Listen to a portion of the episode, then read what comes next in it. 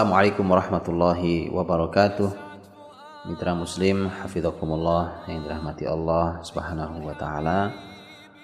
Kita masih terus mencoba menggali e, sejarah manusia terbaik di muka bumi ini yang dilahirkan dari keturunan dan keluarga terbaik yang ada di muka bumi ini dan dihadirkan untuk umat yang terbaik yang pernah Allah keluarkan untuk manusia. Hari ini kita akan mencoba untuk menelusuri uh, secara lebih sederhana untuk mengurai nasab Rasulullah SAW. Karena Islam memiliki perhatian yang sangat-sangat besar terhadap nasab. Kalaupun negeri ini kita di negeri ini rata-rata kurang peduli terhadap nasab kita ke mana, tapi perlu diketahui bahwa uh, Islam sangat menjaga nasab Bahkan menjaga nasab adalah merupakan satu dari lima al-asasiyat al-khamsah yang disebut dalam Islam yaitu lima hal yang sangat asasi lima hal yang sangat mendasar yang sangat dijaga dalam Islam dan tidak boleh ada satupun yang mengganggu atau mencederainya di antaranya adalah pembahasan nasab. Sebegitu pentingnya untuk itulah maka kita perlu tahu.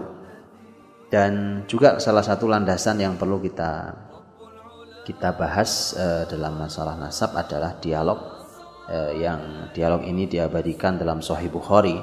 Uh, dialog antara Kaisar Heraklius Kaisar Romawi dengan Abu Sufyan yang saat itu Abu Sufyan belum masuk Islam. Dan saat itu Rasulullah Muhammad Shallallahu Alaihi Wasallam sudah diangkat jadi Rasul dan beliau mulai berdakwah di kota Mekah dan mulai ditentang oleh masyarakat Mekah sendiri pertanyaan eh, pertanyaan-pertanyaan dilontarkan oleh Kaisar Heraklius dan dijawab semuanya dengan jujur oleh Abu Sufyan. Eh, di antara pertanyaannya adalah kata Kaisar Heraklius yang yang penasaran ingin tahu tentang bagaimana orang yang mengaku menjadi nabi di Mekah itu salah satu pertanyaannya adalah apakah dia berasal dari nasab mulia di masyarakatnya. Jawaban Abu Sufyan, iya dia berasal dari nasab mulia di antara kami kan Rasulullah Muhammad SAW kita semua tahu beliau bukan hanya Quraisy tetapi beliau dari uh, keluarga besar paling terhormat di dalam suku terhormat itu yaitu suku Quraisy. Maka dari itu uh, Abu Sufyan pun mengatakan bahwa betul bahwa uh, orang yang mengaku jadi nabi itu itu adalah orang yang memiliki nasab mulia di antara kami maka jawaban Kaisar Heraklius mengejutkan. Mengapa saya tanya ini? Karena begitulah para nabi dan rasul dahulu, mereka selalu berasal dari nasab yang mulia. Maka dari itu, ini pelajaran mahal sekali buat kita bahwa ternyata nasab itu menjadi eh, nasab itu menjadi sangat penting buat kita semuanya. Tidak bisa disepelekan. Ya, walaupun kesempatan untuk besar tidak tentu tidak hanya milik nasab orang-orang besar tapi ini adalah salah satu uh, salah satu kunci juga untuk uh, sebuah kebesaran. Kemudian ketika kita membahas tentang Rasulullah Shallallahu Alaihi Wasallam, kita perlu membahas setidaknya memiliki gambaran tentang uh, nasab Nabiullah Ismail alaihissalam karena kita tahu bahwa Rasulullah Muhammad Shallallahu Alaihi Wasallam berasal dari nasab Nabiullah Ismail. Kita tahu Nabi Ibrahim memiliki dua putra, eh, satu Nabi Ismail dan yang kedua Nabi Ishak alaihissalam. Dan kemudian eh, yang dari nasab Ishak maka turunlah nanti eh, masyarakat Bani Israel yang nabi-nabi berikutnya berasal dari nasab Nabiullah Ishak alaihissalam. Adapun Nabiullah Ismail alaihissalam itu tidak ada nasab kenabiannya kecuali Rasulullah Muhammad Shallallahu Alaihi Wasallam dan itu langsung penutup para nabi dan pemimpin para nabi dan rasul. Dan eh, nasab Nabi Ismail alaihissalam inilah ya, dengan keberadaan Ismail di Mekah itulah yang nanti menurunkan nasab itu sampai turun kepada Quraisy namanya. Yang perlu diketahui bahwa eh, Quraisy itu sebutan untuk salah satu orang dari nasab mereka yang bernama Fihir. Kalau kita jumpai nama Fihr di dalam nasab kakek-kakek Nabi maka dialah sebenarnya yang disebut pertama kali bernama Quraisy.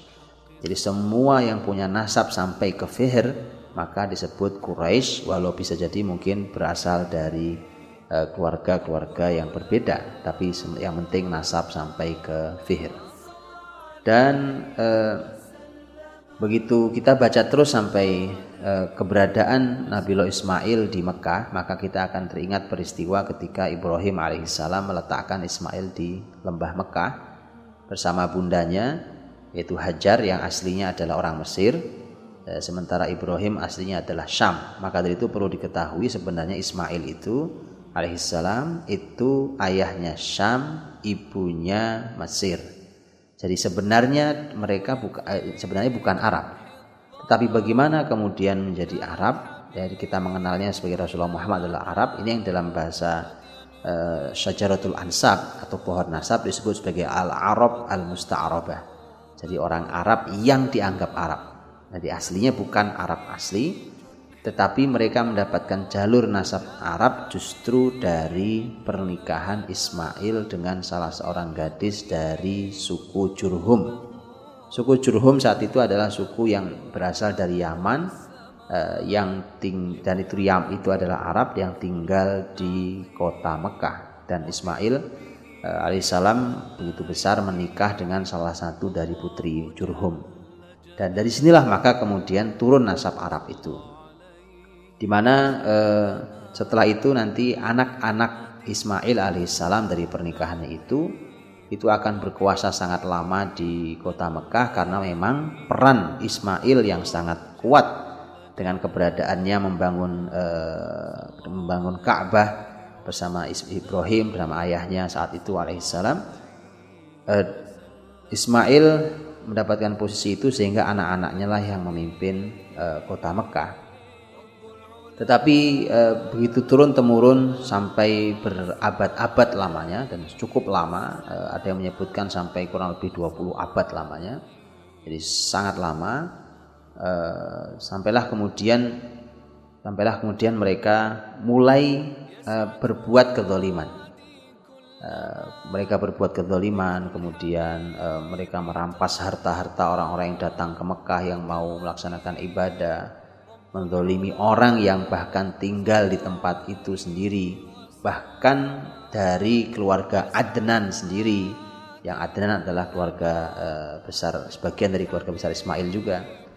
Maka uh, setelah itulah mulai pecah di kalangan uh, masyarakat Mekah saat itu. Begitu masyarakat Adnan ada yang lari dari Mekah karena lari dari kedoliman pemimpin Mekah saat itu maka langsung dimanfaatkan oleh uh, satu suku yang disebut Khuza'ah. Khuza'ah itu adalah suku Arab asli dari uh, turun keturunan Kohton. Jadi dia uh, Arab yang memang Arab uh, asli dan uh, Khuza'ah ini memanfaatkan hal ini maka dia uh, menggalang kekuatan untuk mengusir masyarakat yang berkuasa di kota Mekah saat itu. Uh, dan ternyata mereka berhasil. Maka suku Jurhum, suku Jurhum yang berkuasa saat itu akhirnya kalah oleh uh, masyarakat Khuza'ah. Uh, begitu mereka kalah maka Jurhum harus meninggalkan Mekah dan yang berkuasa adalah Khuza'ah. Disebutkan bahwa Khuza'ah itu berkuasa sampai 300 tahun. Dan bagaimana orang-orang nasab Quraisy eh, yang berasal tadi dari eh, Jurhum kemudian turun nanti sampai ke Fihr. Bagaimana mereka bisa kembali ke Mekah sampai nanti turun Rasulullah Muhammad SAW? Itu adalah eh, semuanya peran salah satu dari buyut Nabi ke atas yang bernama Kusai bin Kilab. Kusai Kusai itu e, dibesarkan di negeri Syam oleh ibunya. E, kemudian e, setelah setelah dia pemuda, dia kembali usia muda dia kembali ke kota Mekah dan di kota Mekah dia menikah dengan putri pemimpin Mekah saat itu yang berasal dari Bani Khuza'ah. Nah, di sinilah terjadi perkawinan antara e, nasab Jurhum dan nasab Khuza'ah yang sebenarnya bertikai. Begitu sang pemimpin, pemimpin e, Mekah yang bernama Halil itu yang putrinya dinikahi oleh e, oleh oleh Kusai bin Kilab yang berasal dari nasab Jurhum itu maka begitu sang pemimpin meninggal kemudian pecahlah terjadi perang e, antara e, Quraisy antara masyarakat Quraisy dengan e, masyarakat Khuza'ah dan dimenangkan oleh Kusai bin Kilab. Karena Kusai saat itu sudah memegang kendali maka kemudian Huza'ah kembali tersingkir keluar dari Mekah dan kemudian Mekah kembali berada di dalam kekuasaan Quraisy yang memang merupakan nasab Nabi Ismail alaihissalam. Uh, ini sekilas tentang bagaimana keberadaan Quraisy di Mekah dan mereka bertahan uh, terus berada sampai kemudian nanti lahir di antara mereka lahir uh, manusia mulia Rasulullah Muhammad Sallallahu Alaihi Wasallam. dan menjadi pembahasan yang menarik tentang Quraisy eh, tentu harus dibahas dengan cara yang proporsional dan eh, sesuai dengan eh, dengan dalil. Bahwa benar Rasulullah Muhammad Shallallahu Alaihi Wasallam beliau pernah bersabda bahwa dalam khutbah kan dalam khutbah beliau itu khutbah terakhir beliau khutbah haji wada Rasul mengatakan bahwa la fadla li arabi ala ajami Eh, tidak ada keistimewaannya Arab di atas non Arab itu benar. Dalam hal kesetaraan dalam hal hak kewajiban e, semua benar. Bahwa semua sama. Arab non Arab semua sama. Tetapi kita juga tidak boleh mengabaikan kalimat Rasulullah Muhammad SAW yang dibahas oleh para ulama sudah sejak dahulu tentang e, masyarakat Quraisy secara khusus. Bahwa ternyata walau tidak ada keistimewaan Arab di atas orang-orang orang asing tetapi ternyata Rasul menyampaikan keistimewaan khusus e, masyarakat Quraisy. Sebagaimana Nabi juga menyampaikan keistimewaan-keistimewaan lain bagi bangsa-bangsa lain. Seperti Nabi ketika menyampaikan keistimewaan masyarakat Yaman artinya memang ada keistimewaan khusus masyarakat Yaman ketika Nabi menyampaikan keistimewaan masyarakat Syam maka demikian pula keistimewaan masyarakat Mesir Nabi sampaikan dalam hadis beliau. Nah, kali ini Nabi menyampaikan tentang keistimewaan masyarakat Quraisy. Di antaranya adalah hadis Rasulullah Shallallahu Alaihi Wasallam yang diriwayatkan oleh Imam Ahmad dalam musnadnya, ketika Nabi mengatakan al aimmah min Quraisy bahwa para imam, para khalifah maksudnya berasal dari Quraisy itu artinya dan ini disampaikan oleh para ulama sampai uh, dijelaskan oleh banyak sekali ulama walau pada per, pada perbedaan pendapat di antara ulama. Tetapi Imam Nawawi uh, dalam uh, Al-Minhaj Syarah Sahih Muslim Ibn Hajjaj Al-Mawardi dalam Al-Hakam As-Sultaniyah dan kedua-duanya ini adalah bermadhab Syafi'i. Secara fikih uh, mereka menyampaikan bahwa uh, pemimpin tertinggi itu memang syaratnya adalah Quraisy dan ini ditunjuk bukan pembahasan eh, etnik atau fanatisme etnis bukan. Sama sekali bukan. Tetapi ini dikarenakan masyarakat Quraisy memiliki kelebihan-kelebihan yang luar biasa. Dan itu dibahas khusus oleh para ulama. Dan perlu diketahui setiap bangsa punya kelebihan. Seperti negeri ini Indonesia ini punya kelebihan. Bangsa yang punya kelebihan. Bukankah banyak sekali kelebihan Allah berikan untuk Indonesia untuk negeri ini untuk Nusantara kita ini. Eh, tetapi menjadi mas yang perlu kita ketahui juga bahwa Quraisy pun punya kelebihan. Dan kelebihan yang disampaikan langsung oleh Rasul bahwa para pemimpin itu Quraisy. Eh, kelebihan mereka di antara kelebihan mereka di antaranya umpamanya hadis yang disampaikan eh, ada hadis muttafaq alaih sepakati oleh Bukhari dan Muslim kesahihannya di mana Rasulullah Shallallahu alaihi wasallam bersabda an-nas tab'un li Quraisy fi syan bahwa manusia itu mengikuti Quraisy dalam hal ini. Muslimuhum tab'un li muslimihim.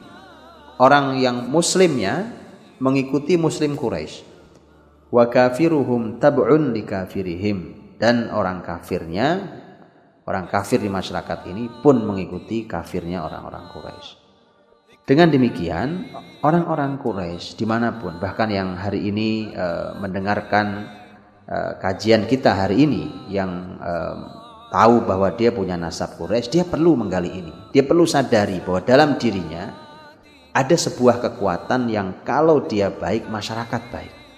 Dan ada kekuatan yang kalau dia rusak masyarakat rusak. Itu harus dipahami betul. Maka dari itu saya serukan juga eh, sebagai saudara antum karena Allah eh, bahwa buat antum semua, buat masyarakat yang punya nasab Quraisy eh, di negeri ini, maka ajari masyarakat kebaikan.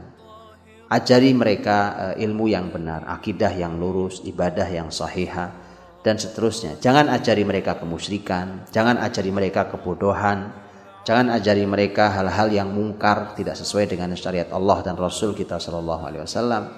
Ajari mereka yang sesuai dengan Quran dan Sunnah.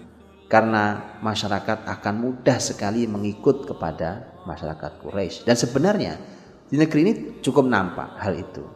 Maka dari itu eh, sebenarnya kita harus harus menyadari posisi kita, kita ada dari nasab apa dan kemudian kita punya kelebihan apa.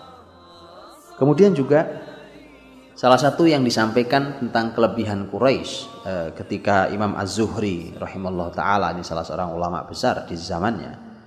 Eh, sebagaimana juga di eh, ketika hal ini disampaikan dalam eh, Tabaqat Asy-Syafi'i Al-Kubra bahwa Imam Az-Zuhri ketika ditanya tentang kekuatan Quraisy, kehebatan Quraisy, beliau mengatakan kata beliau nablur ra'i ini diriwayatkan oleh eh, Imam Ahmad dalam musnadnya juga.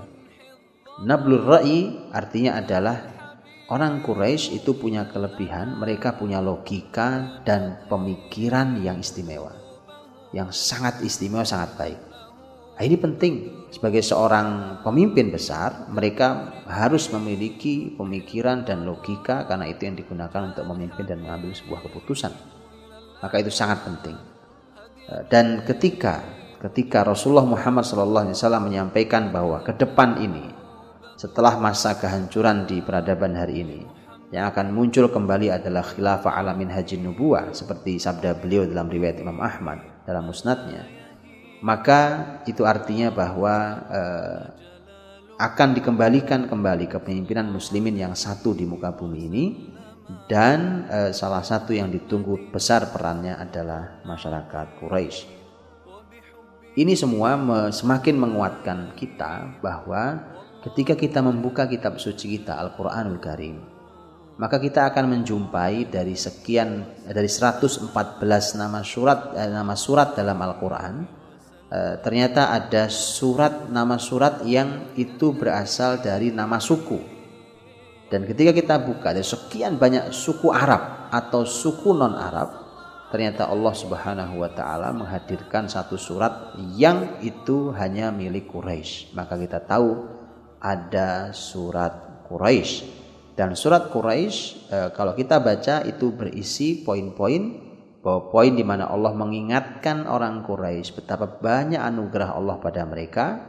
Kemudian Allah Subhanahu wa taala juga menunjukkan apa kelebihan orang Quraisy di sana Eh, kemudian juga Allah memerintahkan mereka untuk beribadah kepada Allah yang memiliki Ka'bah itu.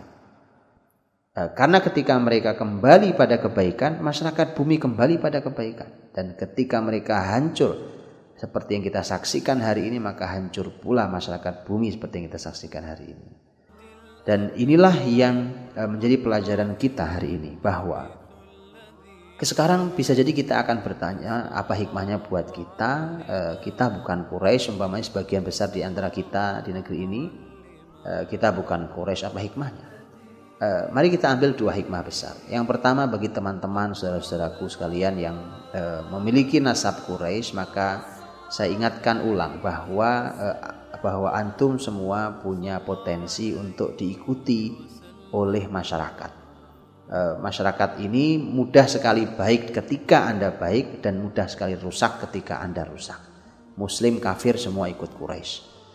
Ke, kemudian juga potensi kepemimpinan seperti yang disampaikan oleh Imam Az-Zuhri tadi bahwa kecerdasan, kemampuan berpikir, logika eh, dan itu adalah modal penting untuk seorang pemimpin, maka itu harusnya ada dan hindari betul eh, memberikan contoh yang buruk pada masyarakat. Dan pelajaran kedua bagi yang bukan dari nasab Quraisy, kita perlu tahu bahwa di bawah khalifah tertinggi itu ada orang-orang yang akan ditunjuk untuk menjadi pembantu pemimpin di mana pun posisinya. Kalau itu tidak ada syarat dari pemimpin mana pun, dari suku mana pun. Yang ada adalah bahwa siapa yang punya potensi, dan yang perlu sangat digali adalah nanti ketika kita berbicara tentang uh, berikutnya tentang nasab ya untuk uh, untuk seri yang kedua tentang nasab langsung nasab Rasulullah SAW kita akan semakin belajar bahwa mari kita dalami nasab kita apa kelebihannya dan dari situlah kita bisa berangkat bahwa itu yakinilah itu ada dalam diri kita tinggal itu dibangkitkan kemudian kita pupuk dengan pembelajaran dengan pendidikan yang baik maka eh, dengan itu mudah-mudahan menjadi masyarakat yang berkualitas dan nasab itu yang akan kita turunkan kembali pada generasi setelah kita. Wallahu a'lam bishawab. Fa'tabiru ya ulil absar. Ambillah pelajaran wahai orang-orang yang. Assalamualaikum